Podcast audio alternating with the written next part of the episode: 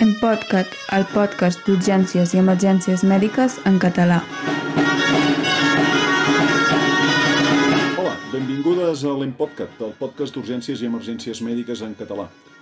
Ara és la part aquella en què foto el rotllo d'on ens podeu trobar i qui som els que ho fem i tot això, però com que avui és un episodi especial, una miqueta amb un format una miqueta diferent a l'habitual, avui anem directes al gra. Sí que tenim a l'Empordà en Xavi Basurto. Bon dia, Xavi. Hola, bon dia, Albert i companyia. Jo mateix, que sóc l'Albert Oms, que estic a Cerdanya, i avui és un programa especial perquè també tenim un convidat, un convidat que el tenim a la zona metropolitana, allò que alguns diuen Barcelona. Aquest convidat és l'Eduard Argudo, és metge adjunt del Servei de Medicina Intensiva de l'Hospital de la Vall d'Hebron de Barcelona, amb un currículum llarguíssim, metge de l'helicòpter de, de l'hotel... De quin hotel? De l'hotel 1, el de Sabadell, no sé si encara hi ets, de l'hotel 2, bueno, no sé, has donat moltes voltes. I l'hem portat per un tema que a mi personalment em té abstret i molt, molt, molt interessat, que és el tema de la reanimació cardiopulmonar extracorpòrea, que és, jo penso que és l'extrem de la urgència, i l'hem portat perquè ell és un dels homes ECMO de, de l'Hospital de la Vall d'Hebron i coneix molt bé d'aquest tema. I com que ens coneixíem, doncs l'he atabalat prou com perquè acabés dient que sí. Hola, Eduard, bona, bon dia, bona tarda, bona nit, el que toqui. Hola, Albert, hola, Xavi, què tal? Va, parlar d'això de la reanimació cardiopulmonar extracorpòrea, sense parlar de què és això de la cosa extracorpòrea, és, eh, serà inútil. O sigui que començarem potser parlant primer de la màquina, de, del, de la teràpia en qüestió i després de la indicació que tenim per fer RCP amb aquesta màquina. Eh? Aquesta màquina o aquesta teràpia es coneix per ECMO, que si ho dic bé és la Extracorporeal Membrane Oxygenation, o sigui, oxigenació per membrana extracorpòrea, ho he dit bé això? Sí, exacte que vindria a ser la diàlisi dels pulmons, però no es veu que tampoc és ben bé això. El que és segur és que això és d'UCI. És d'aquelles coses fines, de que vigila que no toquis d'aquí, que no es trenqui d'allà, no, compta i tal. Això que els d'urgències no sabem fer perquè una cosa fina no sabem massa bé el que és. Va, Eduard, explica'ns una miqueta, què és això de l'ECMO? Com funciona? L'ECMO, el, el que és, és una màquina que ens permet suplir les funcions tant respiratòries com cardiovasculars. Què vol dir això? Doncs és un circuit extracorpori que té diferents components, començant no, per una cànula de drenatge que posem en una vena central i que se'n va fins al cor i que ens permet drenar la sang del malalt. Amb això doncs, hi ha tota una tubuladura cap on la sang es dirigeix i va a una bomba, que és qui fa la succió, qui drena aquesta sang del malalt. Aquesta bomba és una bomba que ara mateix són totes de tipus eh, centrífugues i aquesta bomba impulsa la sang, no? drena la sang del malalt i la impulsa cap a una membrana, que és on es produeix l'intercanvi de gasos. Aquesta membrana, que és l'oxigenador, que estan fets ara tots de polimetilpentè, a una banda hi ha la sang, a l'altra banda hi ha una barreja de gasos que nosaltres decidim que sol ser una barreja d'aire i oxigen, és a dir, pot ser aire, però normalment té una concentració d'oxigen elevada, entre una FiO2 entre 0,5 i 1, i aquí és on es produeix l'intercanvi de gasos. Eliminem el diòxid de carboni i aportem oxigen a aquesta sang. I llavors aquesta sang, un cop està oxigenada i amb menys diòxid de carboni, que és el que faria no, els nostres pulmons, doncs es retorna al malalt a través d'una tubuladura de retorn i una cànula de retorn que eh, li aporta la sang oxigenada al malalt. Llavors, depenent una mica de com configurem el nostre circuit ECMO, és a dir, com col·loquem aquestes cànules, podem donar suport només pels pulmons o suport pel cor i pels pulmons. I amb això una mica serà les diferents modalitats d'ECMO que diem, que és el que potser us sona o potser no, que és l'ECMO venovenosa i la ECMO venoarterial. És a dir, si jo agafo la sang d'una vena i la retorno a una altra vena, aquesta sang oxigenada, el cor l'agafarà i la impulsarà, no? la farà passar a través dels pulmons i després no? de cor dret, pulmons, cor esquerre, i aquest cor esquerre ejectarà aquesta sang amb l'oxigen que li ha donat l'ECMO i això ens donarà exclusivament un suport respiratori. Va? Això és una ECMO venovenosa. En canvi, si jo agafo aquesta sang oxigenada i la, la retorno a través d'una cànula que està col·locada a una artèria, que generalment són les artèries femorals, doncs aquesta sang directament anirà als teixits, amb el que estarem suplint en la funció pulmonar d'uns pulmons que estarem bypassejant, que ens estarem saltant, com la funció cardíaca, perquè el cor pot estar doncs, aturat o fent molt poca cosa, que la sang oxigenada arribarà doncs, a tots els a tots els teixits. Sona molt bèstia, això, eh? És a dir, fem, fem de pulmó o fem de pulmó i cor? Una pregunta que no he entès jo. Si tornes les, la sang oxigenada a l'artèria femoral, per exemple, Sí, i d'aquí oxigenes, de, de, a través de l'artèria femoral, oxigenes el cor, per exemple, el miocardi o, o i el cervell. que quan, quan tenim... Depèn de la funció cardíaca. És a dir, nosaltres quan volem donar suport al, al cor no? i donar un suport circulatori amb ECMO, eh, la manera més estàndard no? de fer-ho és amb una ECMO arterial i amb una canulació que diem perifèrica. Això vol dir que posem una cànula per la vena femoral que puja fins a l'aurícula dreta, d'aquí drenem la sang i el retorn d'aquesta sang la fem a l'artèria femoral, no? amb una cànula curta d'uns 15 centímetres que de fet es queda normalment sobre la ilíaca. Llavors aquesta sang que fa? Doncs va en sentit antifisiològic, no? en sentit retrògrad, pujant des de la femoral cap a dalt i el primer que es troba doncs, és tota la circulació, la vasculatura esplàcnica, no? que va doncs, al fetge, ronyons, etc. i puja fins a horta toràcica, puja fins a l'arc aòrtic i depenent, depenent de la capacitat d'ejecció no? i contractilitat que tingui el cor, ens arribarà fins al cor Val, o no. val. Perquè s'entengui, imagina un malalt que està amb una fibrilació ventricular. No té cap mena de ritme elèctric i el cor no ejecta. Si jo el tinc en ECMO, el que passarà és que aquell cor no està bombejant res i estic drenant, diguem, tot el cor Sí. a través de la cànula que està a l'aurícula dreta i la sang entra per l'artèria femoral però ens arriba doncs, fins als sins coronaris i ens oxigena el cor, perquè aquell cor no ejecta, no bombeja. Si en canvi tinc un malalt amb un xoc cardiogènic, no? amb una situació on té certa contractilitat, tot i que tingui molta disfunció cardíaca, doncs sí que el cor ejectarà una mica i llavors estarem jugant sempre amb dues circulacions. Una circulació nativa, no? fisiològica, que serà la que vindrà a través del cor i amb l'oxigenació dels pulmons, i una circulació pues, antifisiològica i, i anòmala, que serà la que vindrà a través del circuit. Val, val, val, val. Això no, no, és que no sabia, això, eh? I conviuran les dues, no? I les dues eh, les haurem d'ajustar i haurem de, de fer-les, no? Doncs que tot quadri, que tot estigui correctament, que els nivells d'oxigen siguin bons, tant els que estem donant per l'ECMO com els que estem donant pels pulmons. I, bueno, haurem de sempre ajustar amb dues mm, bombes, no? I els dos pulmons, els de veritat i el de mentida. Molt bé. Llavors aquí ja vaig veient de que realment l'ECMO ens servirà per dos grans tipus d'indicacions diferents, no? És a dir, ens pot servir per pulmons que fan figa o per al cor que fa figa. Exacte, no? Els dos grans grups de malalts que, que es poden beneficiar d'aquest suport amb ECMO és, per una banda, els malalts respiratoris, on el tractament respiratori convencional doncs, no funciona. Imagineu, venim d'una pandèmia de Covid, no? Hem tingut, doncs, en el nostre centre hem atès més de 130 malalts amb, amb ECMO, que eren aquells malalts que tenien una pneumònia que amb un distrès respiratori, amb afectació bilateral, que tot i la ventilació mecànica, el prono, totes les típiques mesures que ens agrada fer els intensivistes, doncs no responien i estaven amb uns nivells d'hipoxèmia molt, molt severa. En aquest context, aquests malalts el que feien era canular-los en ECMO venovenós. Home, allò que dèiem, drenàvem la sang d'una vena, generalment la drenem de vena cava inferior, ens hem d'apropar sempre al cor perquè necessitem fluxos de sang molt alts, i retornàvem a la sang a l'aurícula dreta oxigenada. D'aquesta manera el cor la bombejava i el que feia el cor és que, clar, teníem un cor dret que tenia sang oxigenada, unes artèries pulmonars amb sang oxigenada, no? i aquesta era la sang que acabava arribant doncs, als teixits i que era ejectada pel propi cor. Llavors, això inclou, doncs, això, pneumònies virals, però també pneumònies bacterianes, qualsevol tipus de patologia, no sé, un inhalat de fums, eh, qualsevol distrés respiratori que ens pugui portar al fet de doncs, no poder oxigenar prou tot i la ventilació mecànica i les mesures convencionals.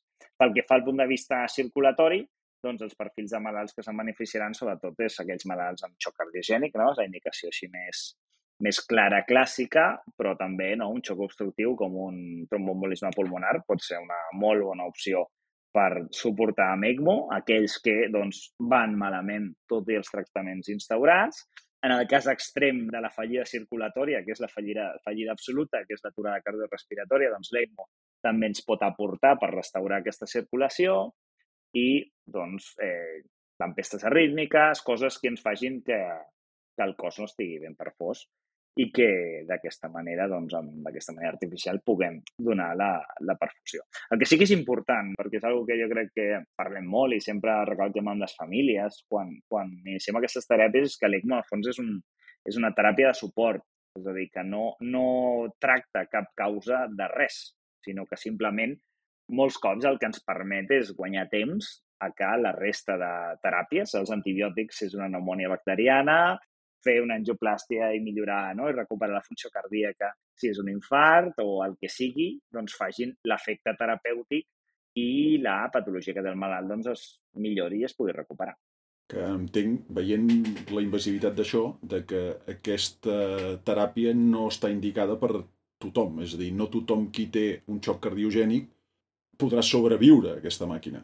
Exacte, no? En el fons, penseu que era, és, o sigui, l'ECMO sembla molt maco i molt xulo, però, però no està exempt de complicacions. Eh, les complicacions de l'ECMO poden passar en diferents moments, des de la pròpia tècnica de canulació amb complicacions hemorràgiques i hemorràgiques eh, catastròfiques com sagnats no? pericàrdics, pleurals, retroperitoneals, etc, perquè estem posant uns tubos molt gruixuts fins al cor no? de manera percutània, com complicacions després doncs, derivades de l'anticoagulació, el major risc de, de sagnat que tenen els malalts, totes les alteracions que provoquen la coagulació.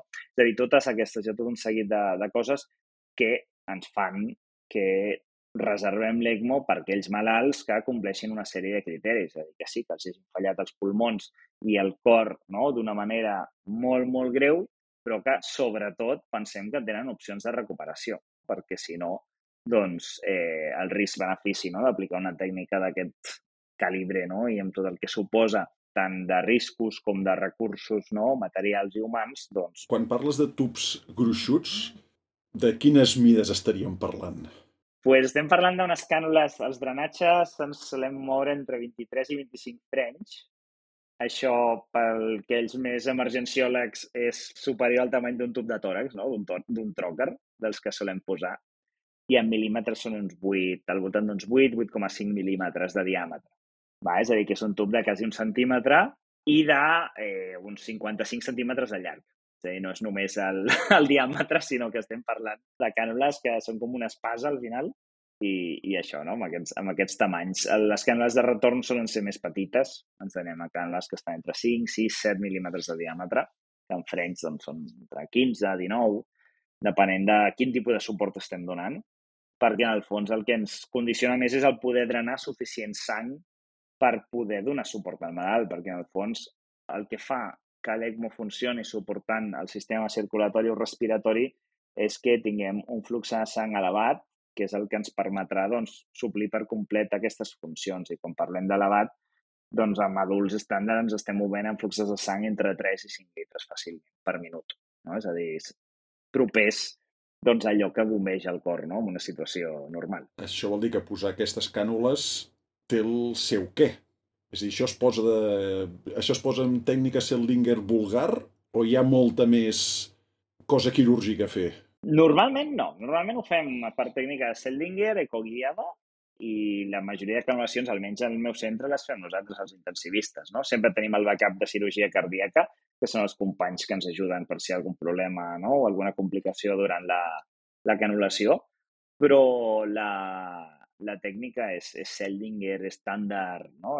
E, ecoguiada, això sí, clar, sent conscients doncs, que hem de ser més agressius, hem de fer no, una incisió a pell, és a dir, hem de tallar, fem una dilatació progressiva per poder arribar a posar no, aquest calibre de cànules a nivell intravascular i que doncs, necessites una corba d'aprenentatge considerable, que el primer punt d'aquesta corba d'aprenentatge i que és imprescindible és dominar per complet al, al 100%, no? la, tot el que és la tècnica de punció ecoguiada de, de catèters centrals per tècnica de Seldinger i llavors a partir d'aquí doncs, has de fer el teu aprenentatge específic que suposa passar de posar una via central, no? per exemple, o un catèter arterial amb els tamanys petits que tenen, amb una dilatació petita, a arribar a posar aquest tipus de, de cànules. Una pregunta, Eduard, més, més bàsica és, jo volia saber, o tinc curiositat per aquesta tècnica, aquesta tècnica que parlem, volia saber en quina fase està evolutiva. Si, vull, si és una tècnica que ja feu servir de forma estàndard i, i molt uh, rutinària tal, o està en fase molt experimental o,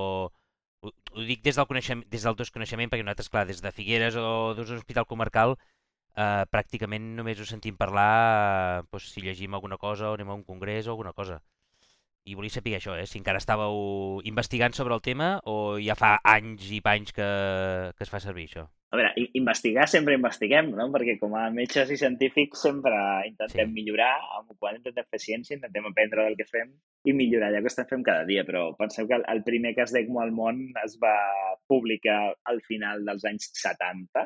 L'ECMO deriva de la cirurgia cardíaca, no? de tota la, de la circulació extracorpòrea en cirurgia cardíaca, és cert que inicialment es van fer tota una sèrie d'estudis, sí. anys 80, por ahí, que els resultats van ser molt dolents, però van ser unes compli les complicacions, sobretot hemorràgiques, eren brutals i les mortalitats dels grups era algo que no tenen res a veure amb el que tenim ara, ja no només dels grups que van a utilitzar l'ECMO, sinó dels grups controls, no? és a dir, tota la, les cures intensives han millorat i han canviat molt, i eh, el creixement o la...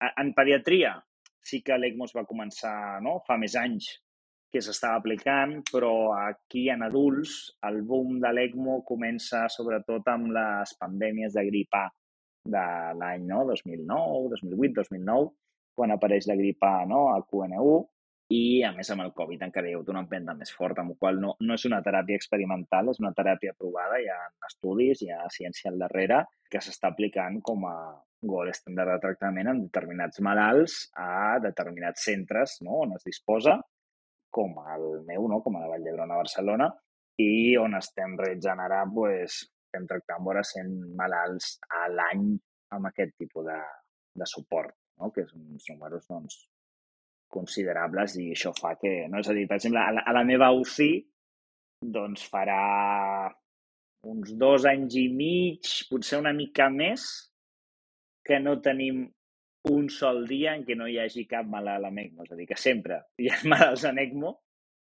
i, bueno, hem anat, no? Ja l'activitat va pujant, va baixant, no? Van, n'hi ha, ha més o n'hi ha menys, però algun, des de... O sigui, no hem tingut cap dia sense malalts en ECMO des de fa més de dos anys i mig.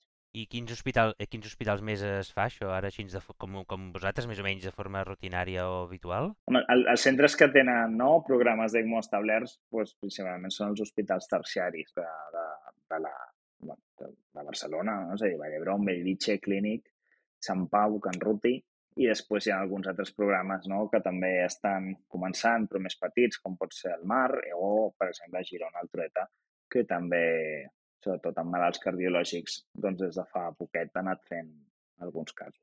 Això, ara que parlaves de que a la vostra UCI sempre en teniu algun, entenc que quan eh, poses algun malalt en aquesta, en, sota aquesta teràpia, el nivell de cures d'infermeria puja molt i la, el monitoratge que has de fer, que ja acostuma a ser bastant elevat a la UCI, encara augmenta més.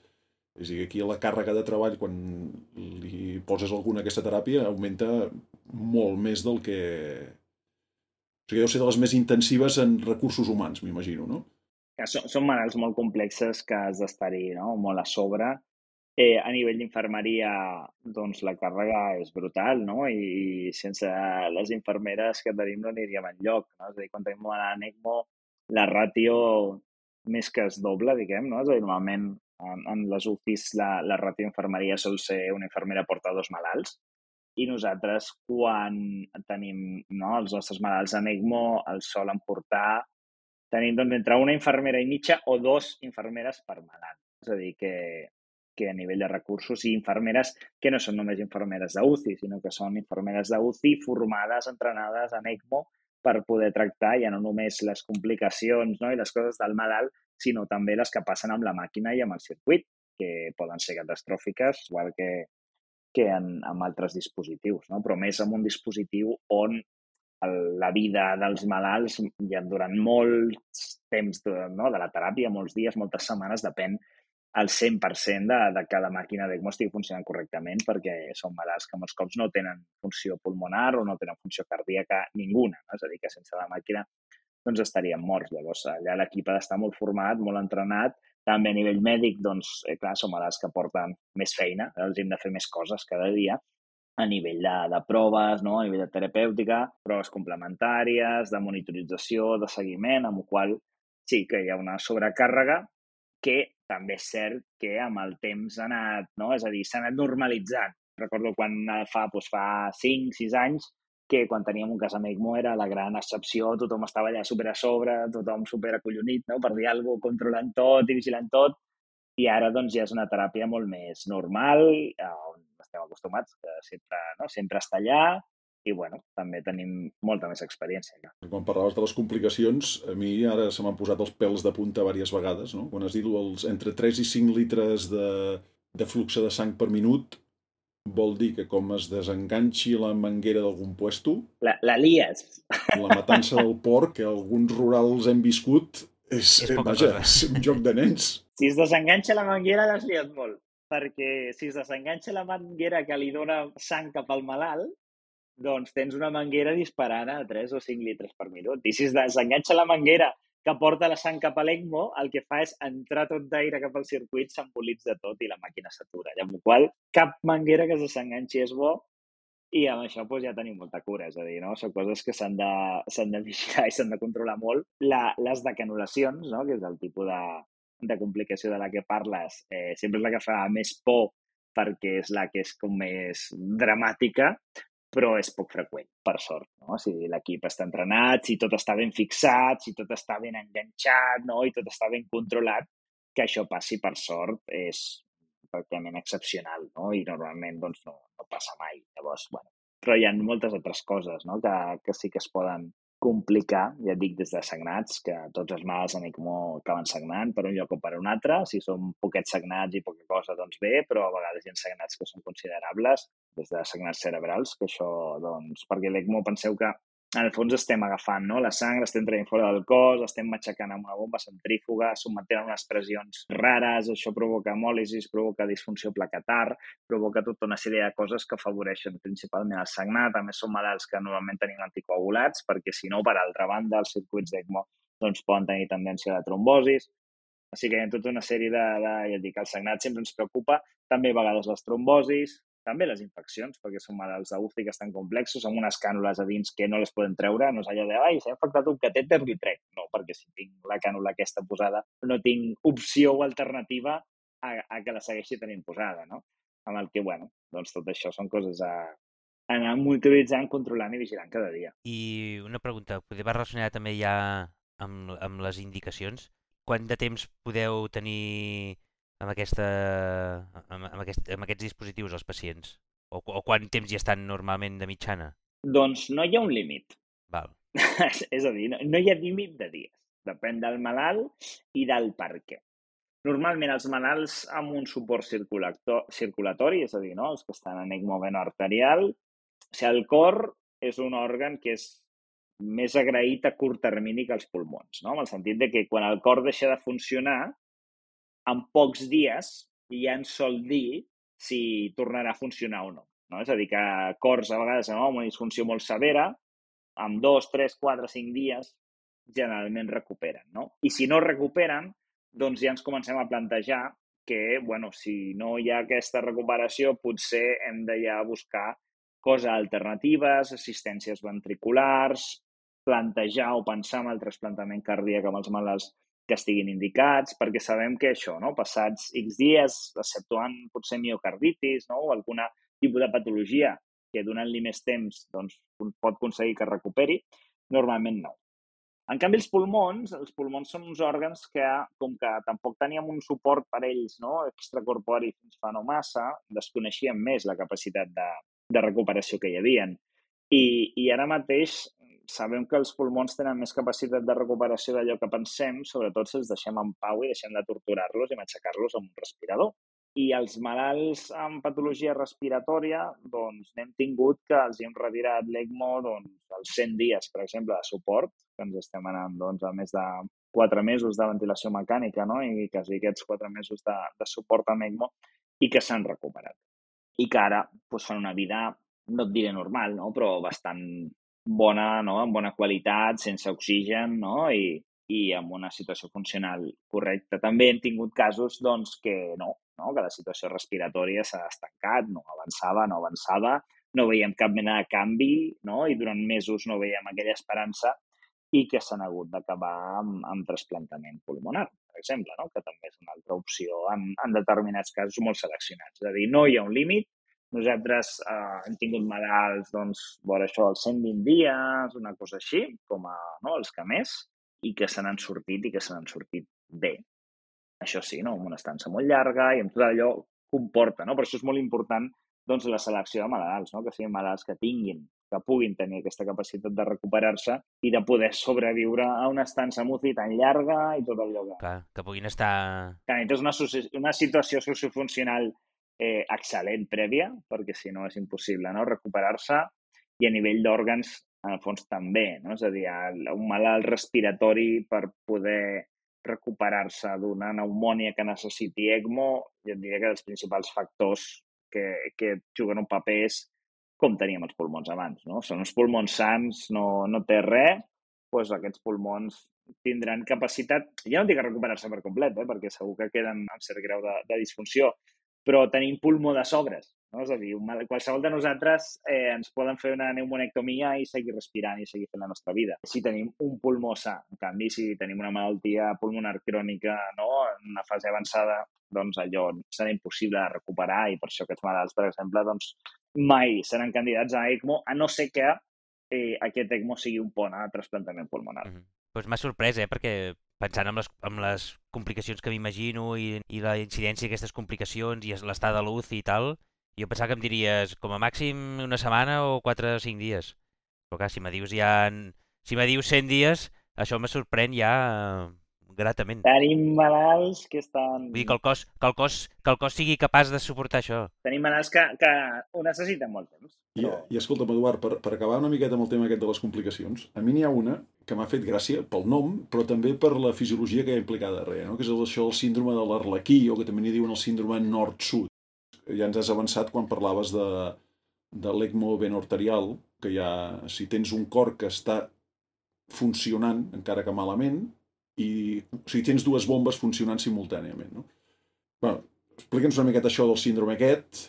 Això és una de les complicacions clàssiques que sempre es parla de, de, de l'ECMO arterial. No? I el fons, el problema o la cosa que tens amb un amb ECMO arterial no? és que tu tens dos com us deia abans, tens dos bombes i dos pulmons, no? uns natius originals i uns que són de plàstic, entre cometes, que són els de, els de l'ECMO. I com que els malalts normalment els canulem per via perifèrica per l'artèria femoral i la sang va en contradirecció, doncs a la sang de l'ECMO xoca amb la sang que surt a través de, de l'aorta, no? de, la, de la vàlvula òrtica.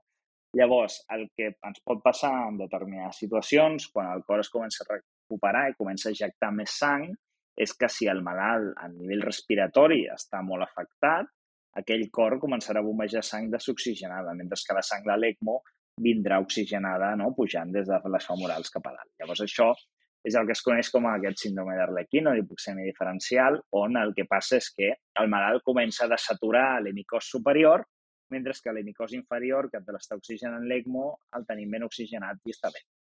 Normalment, si passa, és bo. Bo per què? Perquè tu has posat un mal en ECMO perquè el cor no funciona. I perquè això et passi, el cor ha de funcionar. Perquè si el cor no batega, tot el cos està oxigenat per l'ECMO i problemes d'hipoxèmia diferencial no en tenim. Llavors, si quan això ens passa, doncs, bueno, a vegades són malalts que el que hem de fer és canviar la configuració. No? Malalts que estaven en ECMO ben arterial i que han d'acabar amb ECMO venovenós no? per seguir amb el suport extracorpori enfocat cap a la part respiratòria. I, I una pregunta, és a dir, si necessitem moure aquests 3-5 litres per minut de sang però què passa si el malalt el tenim sec eh, i té molt poc volum? Què ens pot passar si el tenim hipovolèmic, per exemple? Doncs que no tindrem flux i que tindrem problemes. No? És a dir, si no tenim prou volum intravascular com per drenar allò que el malalt necessita de suport, doncs serà un problema. És a dir, si tenim un malalt exsanguinat, doncs no podrem donar-li suport a ell. No? I això és una de les coses importants. No? És a dir, un malalt en xoc hemorràgic doncs l'ECMO no ens ajudarà gaire perquè no tindrem sang no? per drenar, per exemple, i tornar si no aconseguim controlar el, el problema del sagnat. Llavors, necessitem volum, necessitem, sobretot, no? inicialment, doncs, tenir una volèmia correcta que ens permeti assolir els fluxes i després també és cert que a mesura que el suport millora, com que ja necessites tant suport, no? a mesura que els pulmons estan recuperats i tot, doncs allà sí que ja podem anar ajustant. No? I en el fons, tots els malalts crítics necessiten balanç negatiu. Home, Albert, no et, no et preocupis, Albert, perquè ja té un catèter perquè li puguis posar tots els litros de sang que vulguis, eh? I no és un 14, és un 20... Ah, no, perdona, aquests, eren... aquests són els de succió, no? L'altre... No, però, però no, no posem, eh? Penseu que el, o sigui, el, el, la sang o el volum li administrem al malalt, no al circuit, no? Amb el qual, quan tenim problemes tipus volèmia, sagnat o tal, necessitem passar-li líquid al, al malalt. Per això també, quan canolem un pacient no? o eh, ens desplacem a un altre hospital a, a, a posar un ECMO, sempre insistim no? que almenys tingui un bon canyo, no? una via venosa perifèrica gorda o alguna cosa que ens permeti, si ens fa falta, passar bastant volum, perquè si no ens podem trobar un problema si no aconseguim un flux de sang suficient. Quan, comentava, eh, o sigui, quan parlàvem d'això del volum i tal, m'ha fet pensar com els malalts que teniu a la UCI a vegades que estan molt justets, que els has de posar en teràpia substitutiva renal, amb diàlisi o el que sigui, no? que, que l'acte aquest de buidar-los, o sigui, el volum del circuit, aquest quart de litre d'un circuit de, de diàlisi, ja se'ls hi posa molt malament, clar, aquests, quan els deus posar en el circuit d'ECMO... Mmm... Pues, això és una cosa que sempre m'he preguntat molts cops, perquè et diria que quasi es nota menys, no? Suposo perquè allò mateix que estàs drenant, no? Ho estàs tornant, és a dir, la, la, la sang triga molt menys des de que comences, a la que inicies la teràpia i connectes al circuit, pensant sobretot d'un venomenós, eh? en un veno arterial al revés, no? A la que inicies la pressió puja perquè de cop i volta li estàs fotent un xorro. Inicialment és suero, però a la que arriba la sang, tot això al territori arterial les pressions arterials mitges pugen, però a nivell d'un suport venomenós, com faríem amb un hemofiltre, no? que tots hem viscut això, de començar amb l'hemofiltre i amb la potència que senta fatal, pues amb l'ECMO sí que s'hi potencia una mica, però, però és transitori i, i sol ser menys, inclús. Però perquè dic que el, el temps que triga no, amb els fluxes als que anem, amb no res, ja estàs drenant sang i tornant sang i, i llavors doncs ja no té efecte hemodinàmic. Ja. Jo tenia una pregunta.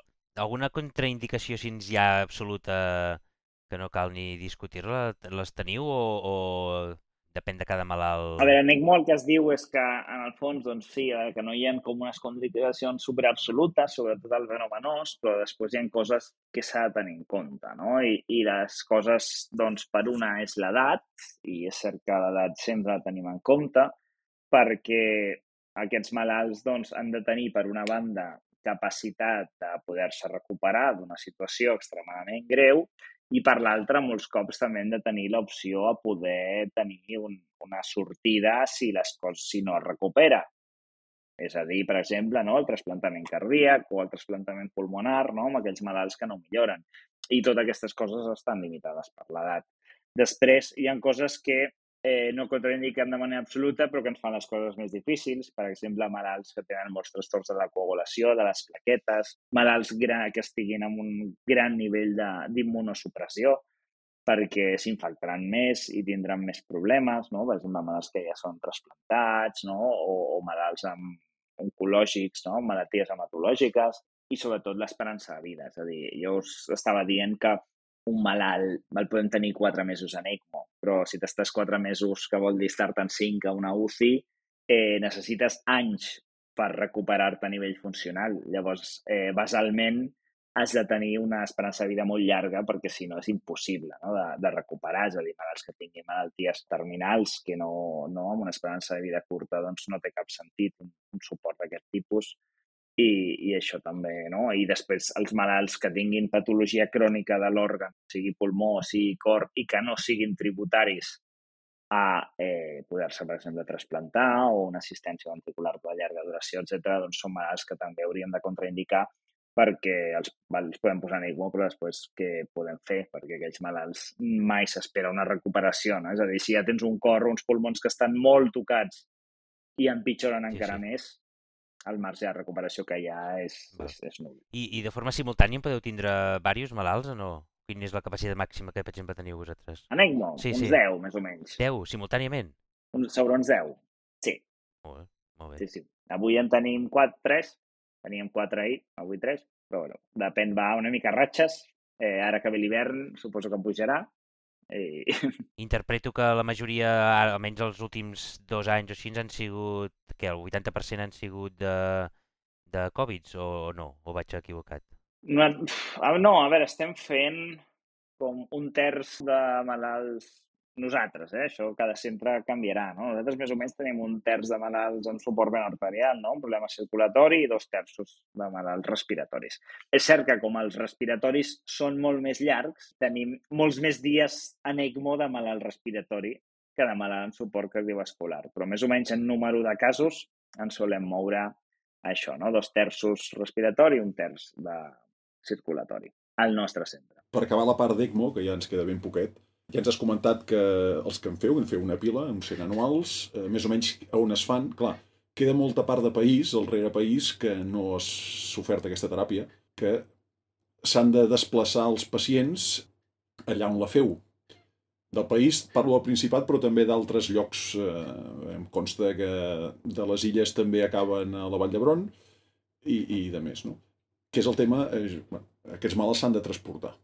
Normalment els que no tenim UCI eh, transportem els malalts fins a l'UCI més propera eh, des de que l'agafem i necessita UCI fins que l'entreguem perquè tenim aquest escalat, no? és a dir, l'escalat de, diguem-ne, de teràpia que podem donar a urgències fins a l'escalat de la teràpia que pot donar la UCI. Però un cop està a la UCI ja entenc que desplaçar segons qui que està en unes circumstàncies adverses pot ser una condemna. I aquí és on entreu vosaltres amb la part de no desplaçar el malalt, sinó desplaçar la màquina. Exacte, no? No estic d'acord, em sembla que has dit, no?, que, que, que allà que no teniu ECMO, no?, que no podeu oferir-lo, perquè en el fons, o sigui, l'ECMO és una tècnica molt complexa on el que està molt clar és que el número de casos s'associa a la supervivència i que cada cop, el que sé, no, els punts de tall que s'està parlant cada cop més és que els centres d'ECMO haurien de tractar més de 30 malalts a l'any per tenir no, una bona supervivència, un bon aprenentatge, no? una bona experiència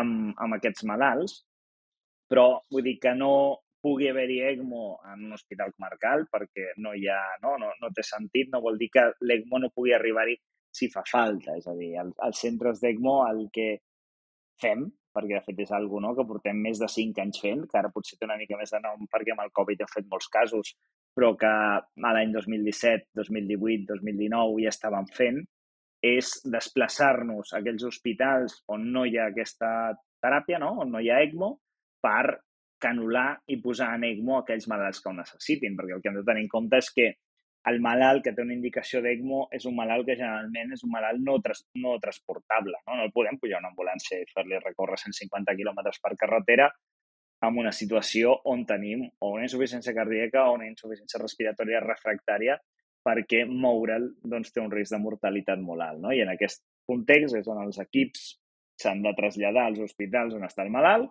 posar el malalt al ECMO i després fer un transport secundari fins, a lo, fins al lloc on, on el puguin després doncs, manegar i fer tota la resta de suport fins que el malalt doncs, avanci o depèn, depèn de com vagi. Això que expliques, a França, quan parlaves de l'epidèmia de la grip A, eh, França en el seu programa, perdó, amb, el seu, amb els seus pla de contingència, perquè altra cosa no sé, però plans de contingència en foten per tot, eh, el pla de contingència que tenien ja va suposar la creació de les unitats mòbils, l'unitat mòbil d'assistents circulatoire, bueno, o assistent respiratoire, depenent de si ho portaven els pneumòlegs o, o no, que ja va suposar bellugar gent, no? I és la primera experiència que conec, uh -huh. justament, abans que la nostra, justament la d'ells, no? Que anaven pel món a, a recollir gent a les UCIs normalment que estaven cascadets, els hi fotien la màquina i se'ls enduien.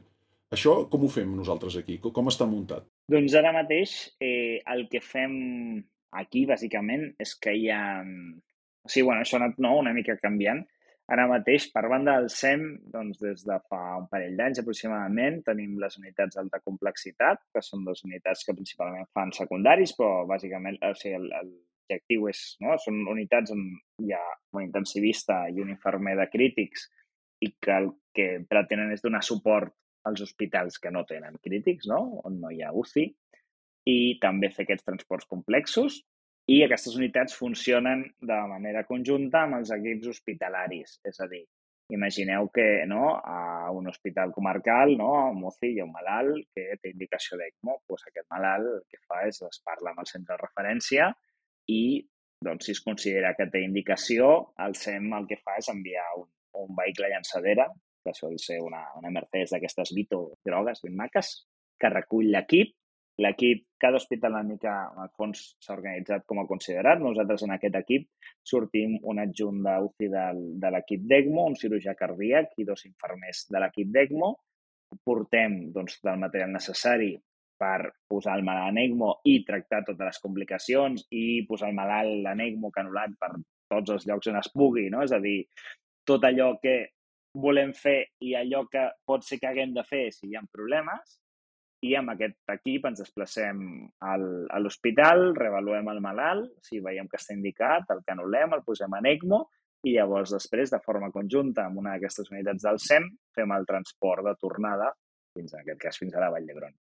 Això més o menys és l'estructura no? que estan seguint ara tots els hospitals que, que fan transport i això el que fem, no? És a dir, així és com funciona. Llavors, la via d'entrada, hi ha cops que se'ns truca directament no? i se'ns comenten els casos o, si no, a través del SEM, doncs també entren doncs, per la taula interhospitalaris i, i es parla llavors amb els equips de, dels hospitals. I entenc que és sempre des de, de UCI a UCI, eh? No, no vas al comer... no, no et veurem mai a l'Hospital de Figueres posant en ECMO un malalt. És molt, molt, molt raro. O sigui, no és impossible, que passi, però és cert que, que normalment són malalts que, bueno, que s'han hagut d'optimitzar no? i que hem de... És a dir, per exemple, que són malalts amb xoc cardiogènic, doncs la prioritat, si està a l'Hospital de Figueres i està fatal no? i té un infart, és que arribi, en aquest cas, al trueta a poder-li obrir l'artèria, no? I llavors, un cop allà, si no tira, l'haurem de posar en ECMO perquè si no aconseguim obrir l'artèria, doncs no, no, no tractarem la causa, no? I demorar-ho tot que arribi un equip i el posi en ECMO inclús pot ser contraproduent, no? O els malalts respiratoris solen tenir més marge. Són malalts que molts cops inclús fem seguiment, no? De, bueno, aquest malalt no acaba d'anar bé, el pronem un altre cop, eh, bueno, veiem que passi la nit, demà tornem a avaluar i, i després d'estar una estona optimitzant, avaluant, pam, inclús a vegades dies, doncs finalment es decideix la indicació. I, i transports, aquests transports, bueno, jo ara m'estic imaginant el transport i també ja flipo, no? És a dir, a la meva ambulància hi haig de posar, a veure, el malalt bé, no, en portem, eh, respirador, cap problema, monitor, cap problema, però hi haig d'afegir dos tios més a part de... bueno, va, ja en trec un dels meus i poso un de vosaltres que veniu, però hem de posar dos més, tres tios darrere i la màquina. Màquina que no tinc fixació per posar. O sigui, només la logística d'això ja m'està posant nerviós. Com us ho manegueu, això?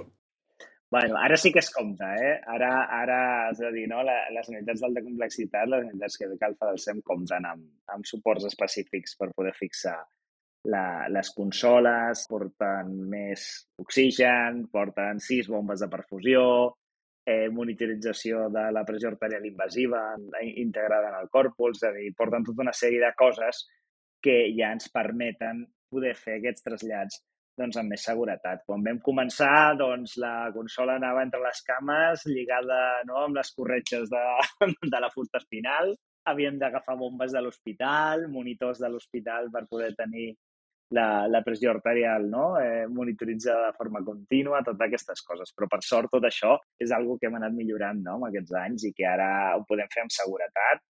Eh, L'equip ja sap no? com es distribueix, on ha d'anar cadascú, com ens sentem i el que hem de portar. No? És a dir, llavors, del, de l'hospital ara mateix surt la part específica de l'ECMO no? per poder fer tota la canulació, tot el procediment, els fungibles, etc i, i amb el SEM doncs, ja hi ha tot el material específic per poder fer la, el transport amb seguretat, que és essencial també. La, la part bona d'això és que un cop els hi has posat la màquina i ja no tens pressa. No, exacte. No? Són malalts que, que un cop la màquina està, el transport va amb calma. La pressa, molts, molts cops, la pressa és en arribar no? i en poder fer aquesta teràpia. No? Però, per exemple, pel que fa no? al transport aeri, a Catalunya a dia d'avui té poc sentit perquè no tenim unes distàncies extremadament grans i això, no? I la pressa està en que l'equip arribi, no? Potser tindria sentit transportar, eh, si tinguéssim, no?, les superfícies a tot arreu, eh, els equips fins al lloc, però després la tornada per terra sempre et dona més marge de, de resolució en quant a problemes, no?, i, i a complicacions i que triguis, és que no, més llunyà, la UCI més llunyana de Barcelona és Tortosa i són dues hores una mica més, no? Doncs no sé si d'ECMO, no sé si hi ha alguna cosa més a parlar. perquè si no anem al, anem al, anem al, anem al que m'interessa. perquè la ECMO és el tractament d'últim recurs per a gent que està molt feta malbé. I se m'acudeixen poques persones més fetes malbé que les que estan amb aturada cardiorrespiratòria. I aquí és on jo tinc la sensació de que a mi em queden encara uns quants anys per jubilar-me i tinc la sensació que alguna RCP acabaré veient que acaba amb la màquina. Tant de bo. No ho sé, això dependrà de com evolucioni, no? Però clar, la idea que, la idea que subjau darrere això és que de cop i volta això canvia completament el, el, el pensament que tenim de l'RCP. La reanimació cardiopulmonar el que pretenem és que el cor torni a funcionar, perquè un cop el cor torna a funcionar, tot torna al seu lloc. Aquí de cop i volta el que ens trobem és que tenim una màquina que ens permet mantenir el cervell viu mentre arreglem el problema. I això canvia una miqueta les coses. És a dir, fins ara el problema que tenim és que podíem arreglar un cor 20 minuts després de que s'hagués aturat, però ja no teníem cervell que sostingués el cos un cop eh, reanimàvem aquell cor. No? I ara amb, la, amb aquesta màquina doncs podria ser que tinguéssim alguna cosa a fer mentre resolem un problema que abans era irresoluble o, o que mentre el resolíem se li moria el cervell a la víctima. No? I això fa uns anys que va sorgint, que ho vaig seguint, i la veritat que és molt interessant. Eduard, quina experiència... Vosaltres en... veu fer un cas fa un parell o tres d'anys, ja quan fa ja d'això? Fa uns quants hiverns, que és el cas paradigmàtic del que parlo, no? que és una reanimació extracorpòrea d'una pacient, en aquest cas una hipotèrmia accidental a la muntanya, uh -huh, que són... Les hipotèrmies accidentals són les menys habituals, els que passen a la muntanya, la majoria són en circumstàncies socials malparides. Això tenim pendent parlar-ne de l'hipotèrmia, oi, Xavi? Que tenim, parla... tenim sí. pendent parlar d'això, sí. Eh, sí, sí, sí. Doncs sí. veu tenir aquest cas que no sé quantes tones d'RCP, múltiples possibilitats d'haver aturat abans, no es va aturar i es va acabar portant a la Vall d'Hebron, li va posar la maquineta i ara aquesta senyora la tenim fent bolos por ahí dient que està la mare de pinxa i vivint la seva vida d'abans, no? De, de què... No sé, és que sembla que ho he explicat tot jo ja. Com funciona això de l'RCP extracorpòrea? la, la resuscitació cardiopulmonar extracorpòria, no? l'ECMO RCP, doncs en el fons és un, un canvi de paradigma en el maneig de, de l'aturada cardíaca, no? perquè el que ens passa quan se'ns atura el cor és que, per suposat, intentem reanimar. Però a mesura que anem intentant-ho, si no ho aconseguim, doncs cada cop estem més isquèmics, no? I arriba un moment que tota la isquèmia del nostre organisme, l'acidosis i tot el que tenim, doncs ja ens fa que, que no sortim i que arribem no? a un punt d'una situació irreversible, no? L'ECMO, doncs, ens canvia a, a aquest punt de vista perquè un cop entrem en ECMO, la circulació es restaura, els òrgans es reperfonen, el cervell també, i tanquem no? i aturem aquell bucle de no? acidosi, isquèmia global mort i llavors podem tractar i arreglar la causa de, de l'aturada cardíaca. I això, igual jo crec no, que us deia abans, que hem après que els pulmons, eh, els, si els deixem en pau, es poden recuperar, amb ECMO el que hem acabat veient és que eh, el, el cervell si fem una RCP d'alta qualitat, té molta més capacitat d'aguantar que eh, pensàvem. No? És a dir, jo crec que ningú de nosaltres amb RCP convencional pensaria que una persona pot estar viva i recuperar-se neurològicament després d'estar 45 minuts aturada. Però perquè és que després de 45 minuts de reanimació cardiopulmonar no es recupera ningú. No? Ningú surt però ja no és que no recuperi el cervell, sinó que difícilment o rarament es reverteix aquella situació d'aturada cardiorrespiratòria. Però amb ECMO el que estem veient és que sí, no? que podem sortir de la situació d'aturada cardiorrespiratòria, de fet sortim de manera pràcticament immediata no? a l'entrada d'una fluxa de sang i per altra banda doncs que si hem aconseguit mantenir aquell cervell per fos i per fos de la millor manera possible durant aquell temps, doncs hi ha opcions. I això ens canvia una mica probablement no, la, la manera de fer i de pensar a tots aquells que la resuscitació cardiopulmonar doncs, és una que ens apassiona, que ens agrada i que, i que bueno, fa molt temps no, que, que hem estat pues, intentant no, fer RCP de millora més ben feta, pues, l'ECMO és una eina i probablement és la, la, la cosa que més impacte ha tingut en els últims anys en termes de resuscitació cardiopulmonar. No? Eh, ens passem el dia posant adrenalina sense evidència, no? eh, sabent que les compressions i la suïdació precoç sí que mm, no, ens ajuden, mm, sabem que la via aèria potser no és tan important, no? el maneig avançat, però no hi ha cap, pràcticament cap intervenció que hagi demostrat en un estudi fer un canvi tan important en, en la supervivència com l'aplicació d'ECMO a malalt amb cardíaca. Això comentaves dels, dels números, no? d'aquestes millores. Hi ha l'experiència d'un senyor i el seu equip, evidentment, als Estats Units, a Minnesota, que va engegar un estudi que van haver de parar amb, després de 30 pacients perquè l'estudi era un, un aleatoritzat a dos branques, una branca de teràpia convencional, una branca que els posaven a, sota extracorpòrea, sota reanimació extracorpòrea, i del grup d'extracorpòrea perdó, del grup de control, el grup normal, van sobreviure dos de 15, que és més o menys les supervivències que estem habituats, no? que al voltant d'aquest 10% una miqueta més, i en canvi en el grup en què feia, aplicava la teràpia, del 16 n'hi van sobreviure 9.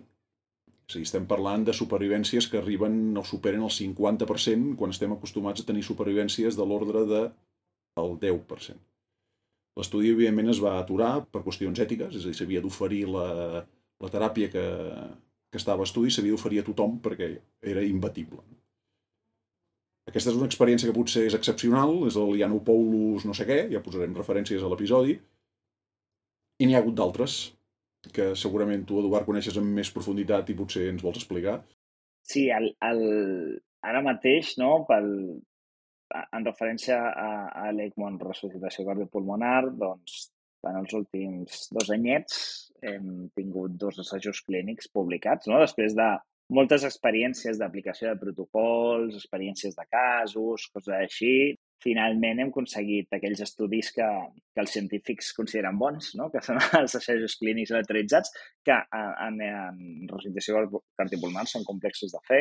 Una és la del Demetris Giannopoulos, que és el, el que comentes no?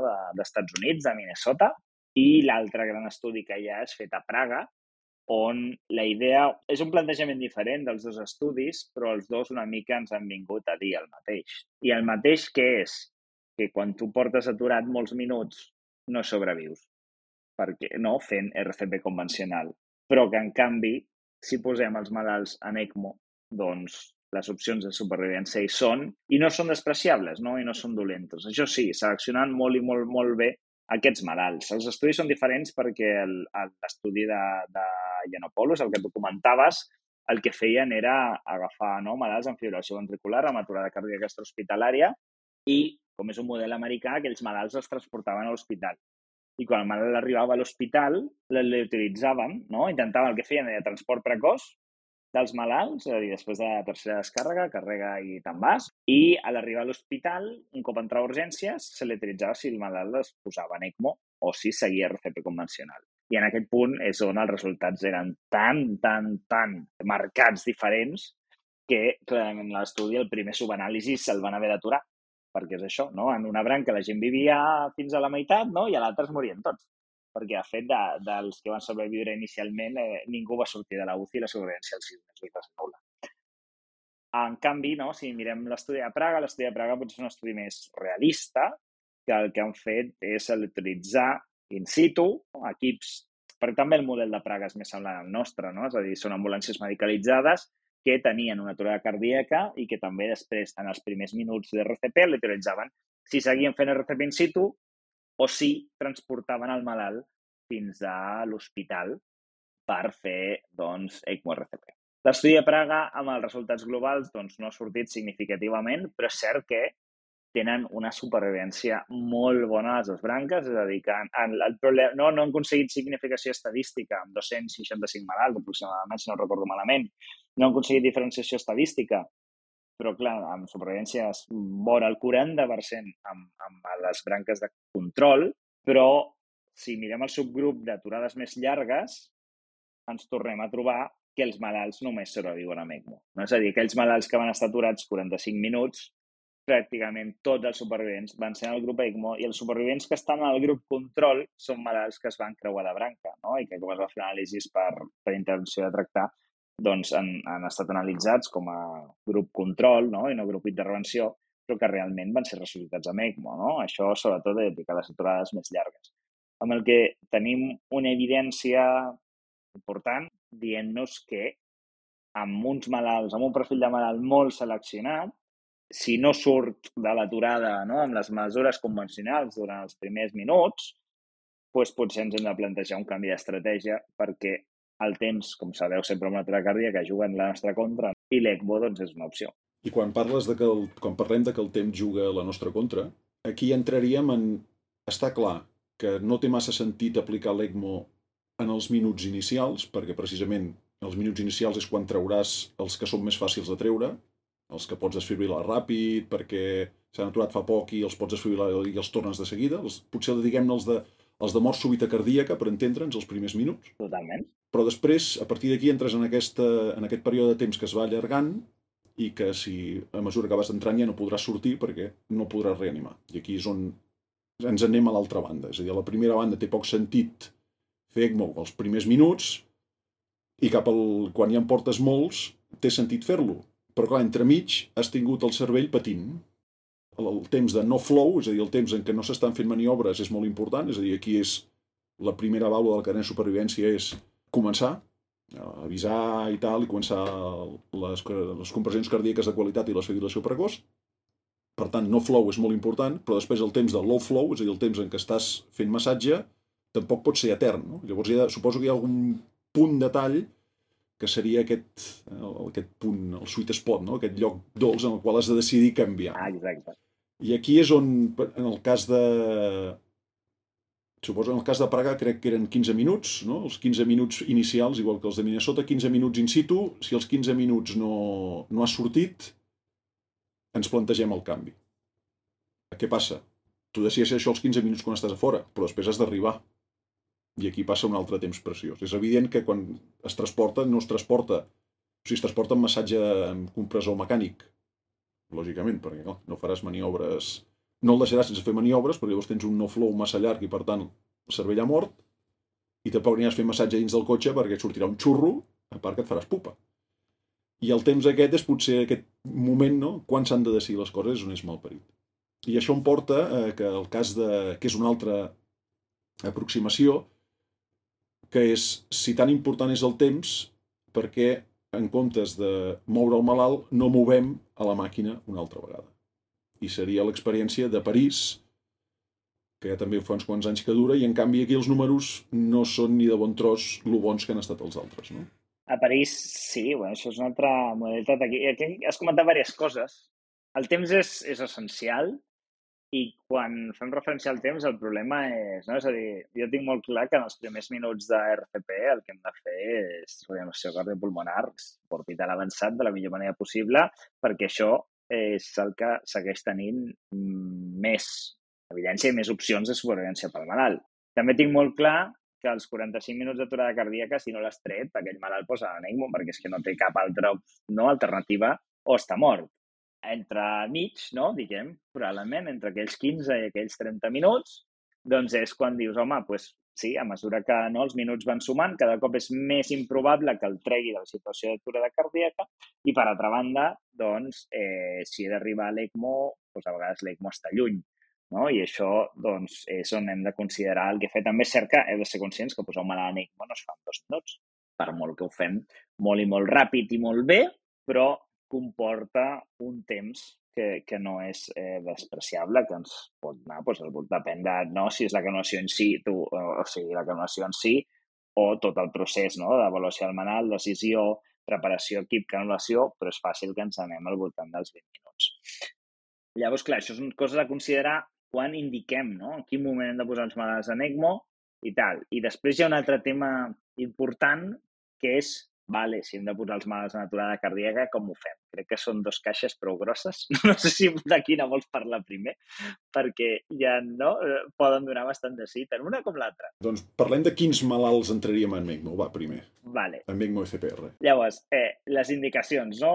O quan, hem de, de, quan indiquem com posem malalts en ECMO, en si, tornem una mica d'abans, que han de ser malalts joves, és a dir, que tinguin no? una bona esperança de vida i que el, el malalt ideal és aquell el que presenta una mort sobtada.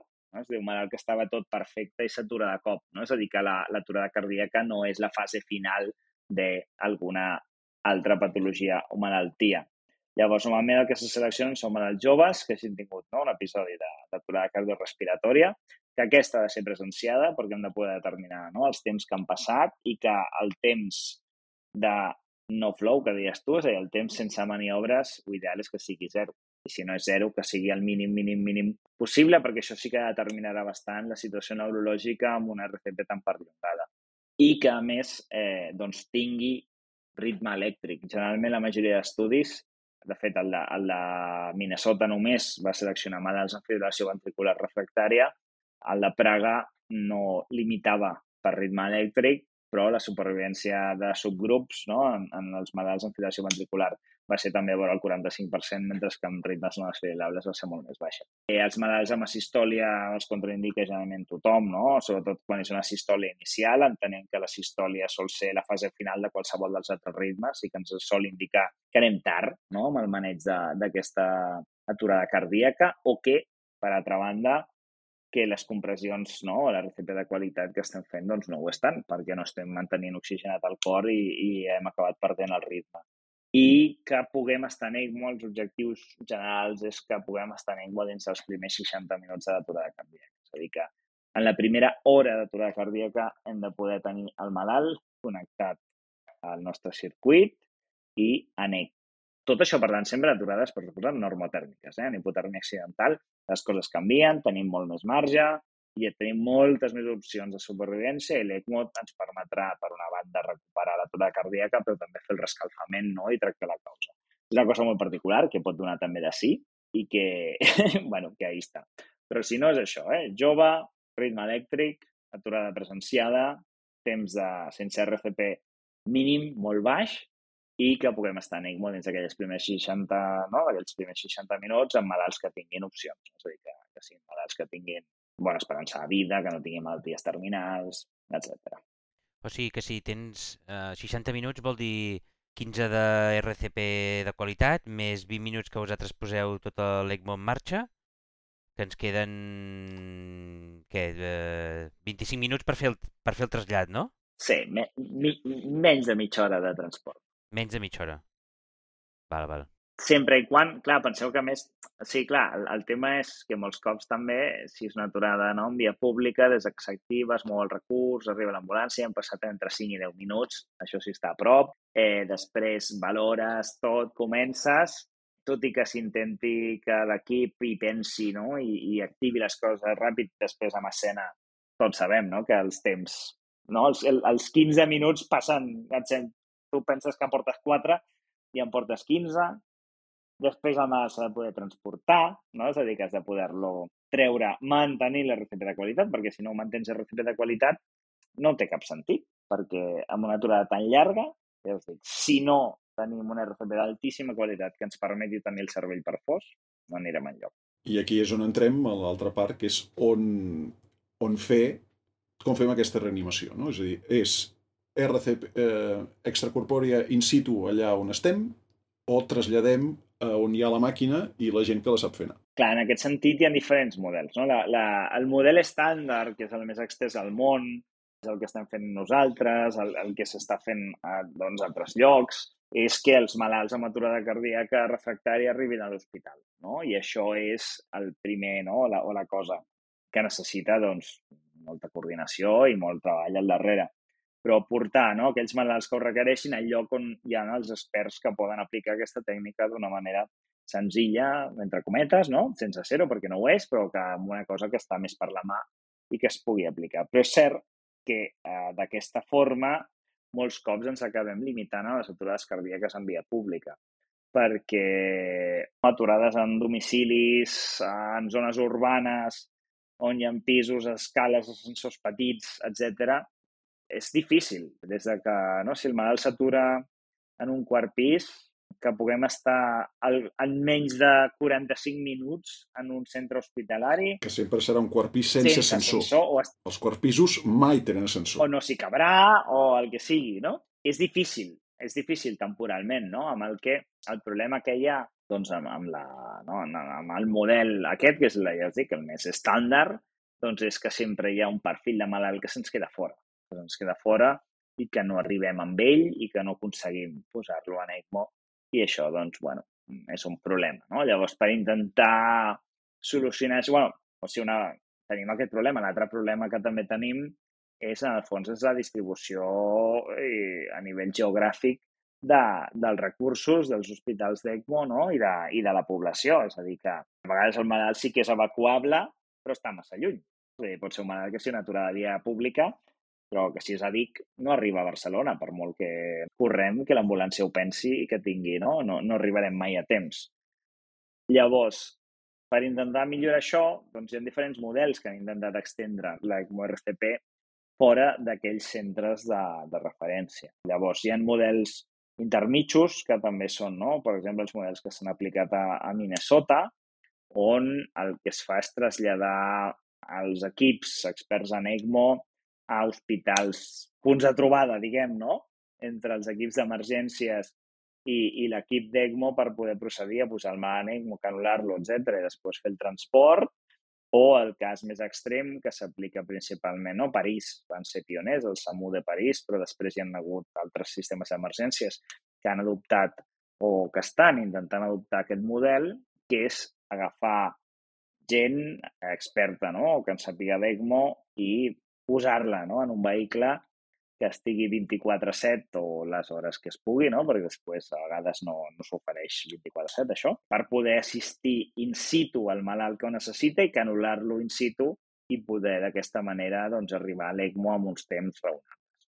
Això una mica les, no, les opcions que tenim o les maneres que hi ha de poder aplicar aquesta ECMO RCP amb els malalts amb aturada cardíaca. I encara no tenim clar quina és la millor en aquests moments. Bueno, la, quina és la millor? Probablement la millor és una suma de totes.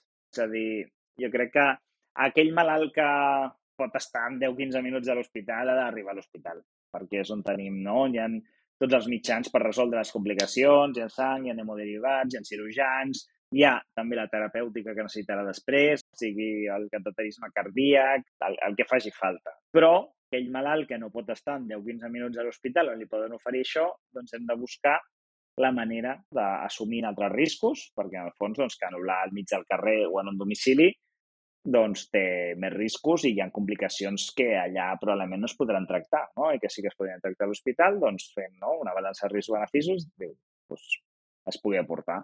També hi ha un tema no, de cost-efectivitat, i hi ha moltes coses que avui encara doncs, no sabem, és a dir, quina realment és la incidència d'aquests malalts, val la pena tenir una unitat, no, uns recursos de, de tal complexitat i tan específics, limitats només a això, com ho hem de fer...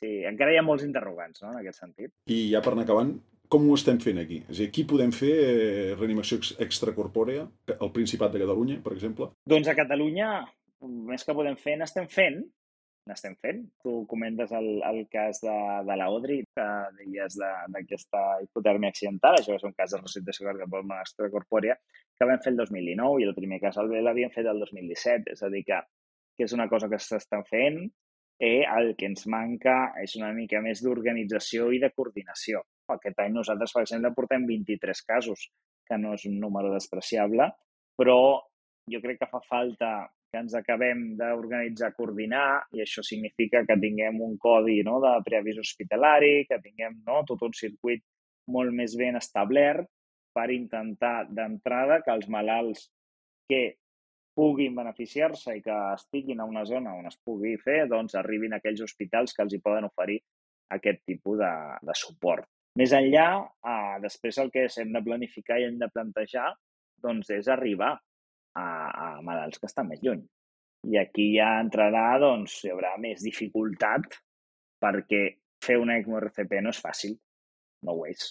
Necessitem dos equips molt coordinats fent dues coses molt complexes. Una és portar un suport vital avançat, que a vegades ja sembla en un hospital, no? algo com dificultós, amb molt caos, i l'altre és posar un malalt en ECMO, que també ho és, de manera simultània, i amb un malalt, doncs, no? i doncs això, aturat, amb tot el que suposa, amb les presses, perquè saps que el temps va en contra.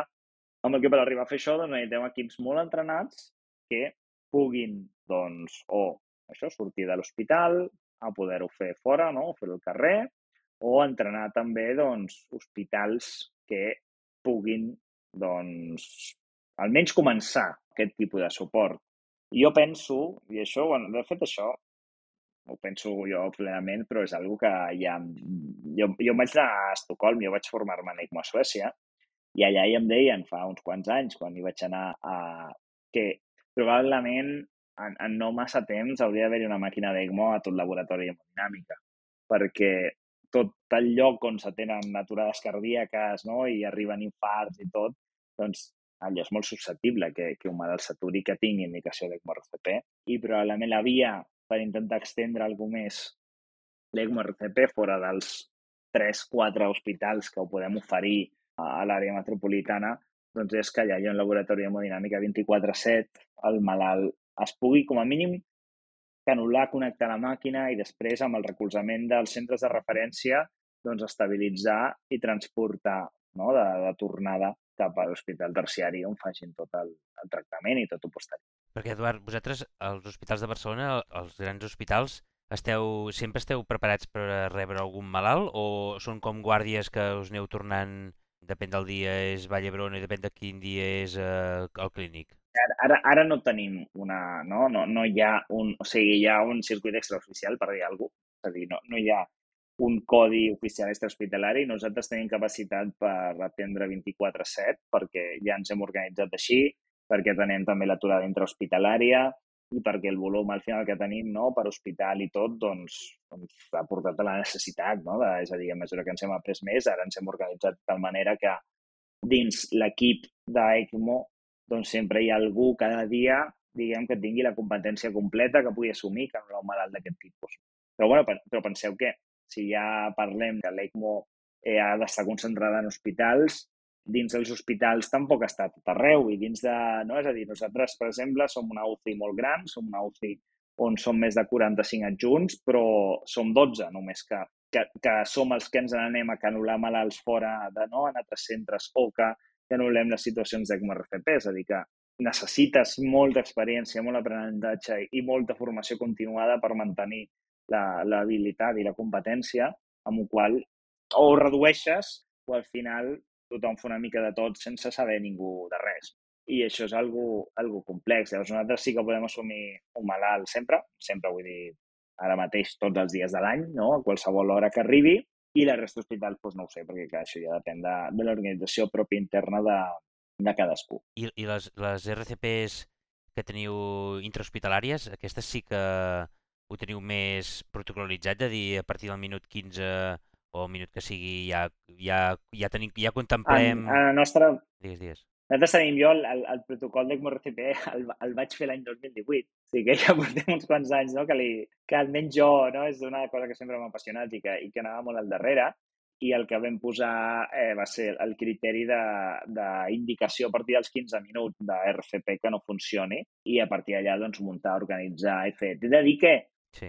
Normalment surten més maques les coses i més quadrades en les aturades extrahospitalàries que les dintre, perquè la extra, el SEM avisa, agafem, ens organitzem, repartim els rols, preparem el material, no? tot ho tenim allà esperant, arriba el malalt i tothom sap què ha de fer a, la, a les extrahospitalàries. No? En canvi, quan és l'aturada dins, ja, ja sempre hi ha més caos perquè és allò de, hòstia, no, uns estan fent per això, no? Intubant el suport vital, els altres pensant, el Lucas, ai, que si la ECMO espera, no sé quantos, però sí, sí, el, el protocol el tenim als 15 minuts i a partir dels 15 minuts doncs engeguem, diguem, el, el procediment, que anul·lem el malalt i entrem en ECMO i, bueno, si és malalt, normalment, normalment no reverteixen peri com les, els que venen de fora mai, perquè són malalts que porten no, aturades molt més llargues i a les intrahospitalàries no és comú que el malalt perquè ja és això, no? amb el temps, més el que tu trigues després a muntar i fer-ho.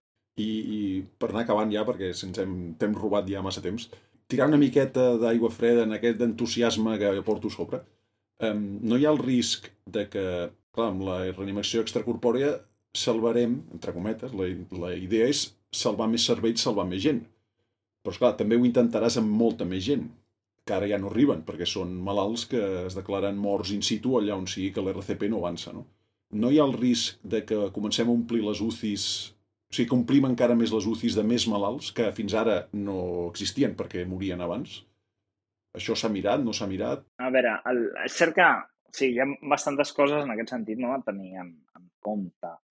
Eh, per una banda estem parlant d'un perfil de malalt que té molta vida per davant. És a dir, eh, seleccionant les indicacions són malalts joves sense comorbilitats, amb qual val la pena invertir recursos en el sentit de que són malalts que tenen molts anys de vida per davant i poden seguir aportant moltíssim no, a la societat i que tenen molta capacitat de recuperació, etc.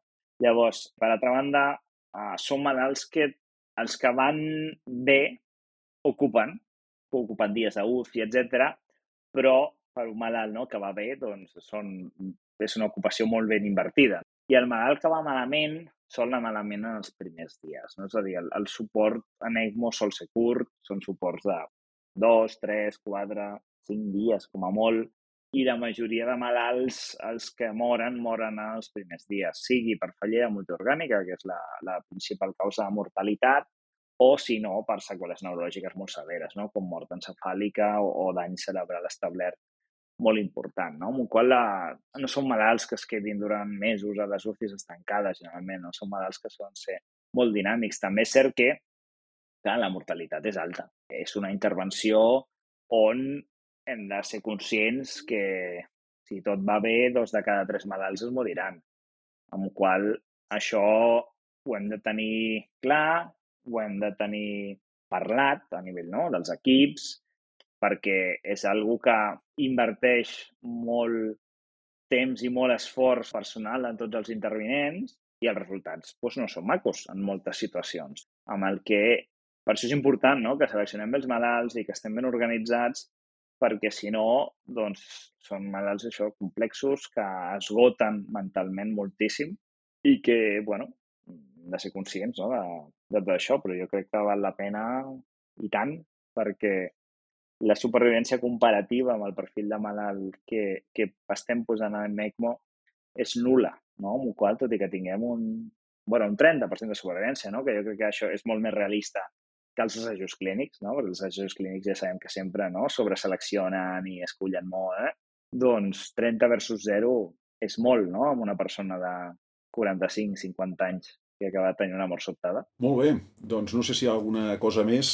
Tu, Xavi, tens alguna cosa més que es t'acudeixi per preguntar? No, home, de... penso que ja hem estat un, no? una hora i mitja, em sembla, una hora i alguna Sí, sí, sí, portem molta estona. Doncs em sembla que ho deixaríem aquí.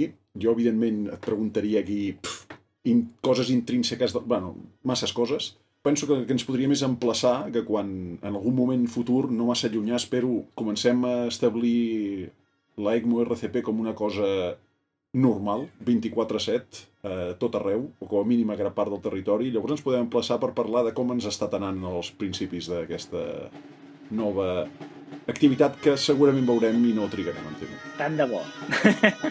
Tant de bo. I així, aquí estarem. Molt bé, Eduard, moltes gràcies. Doncs pues, eh, aquí acaba aquest episodi especial, ens parlem en el proper. Que vagi molt bé.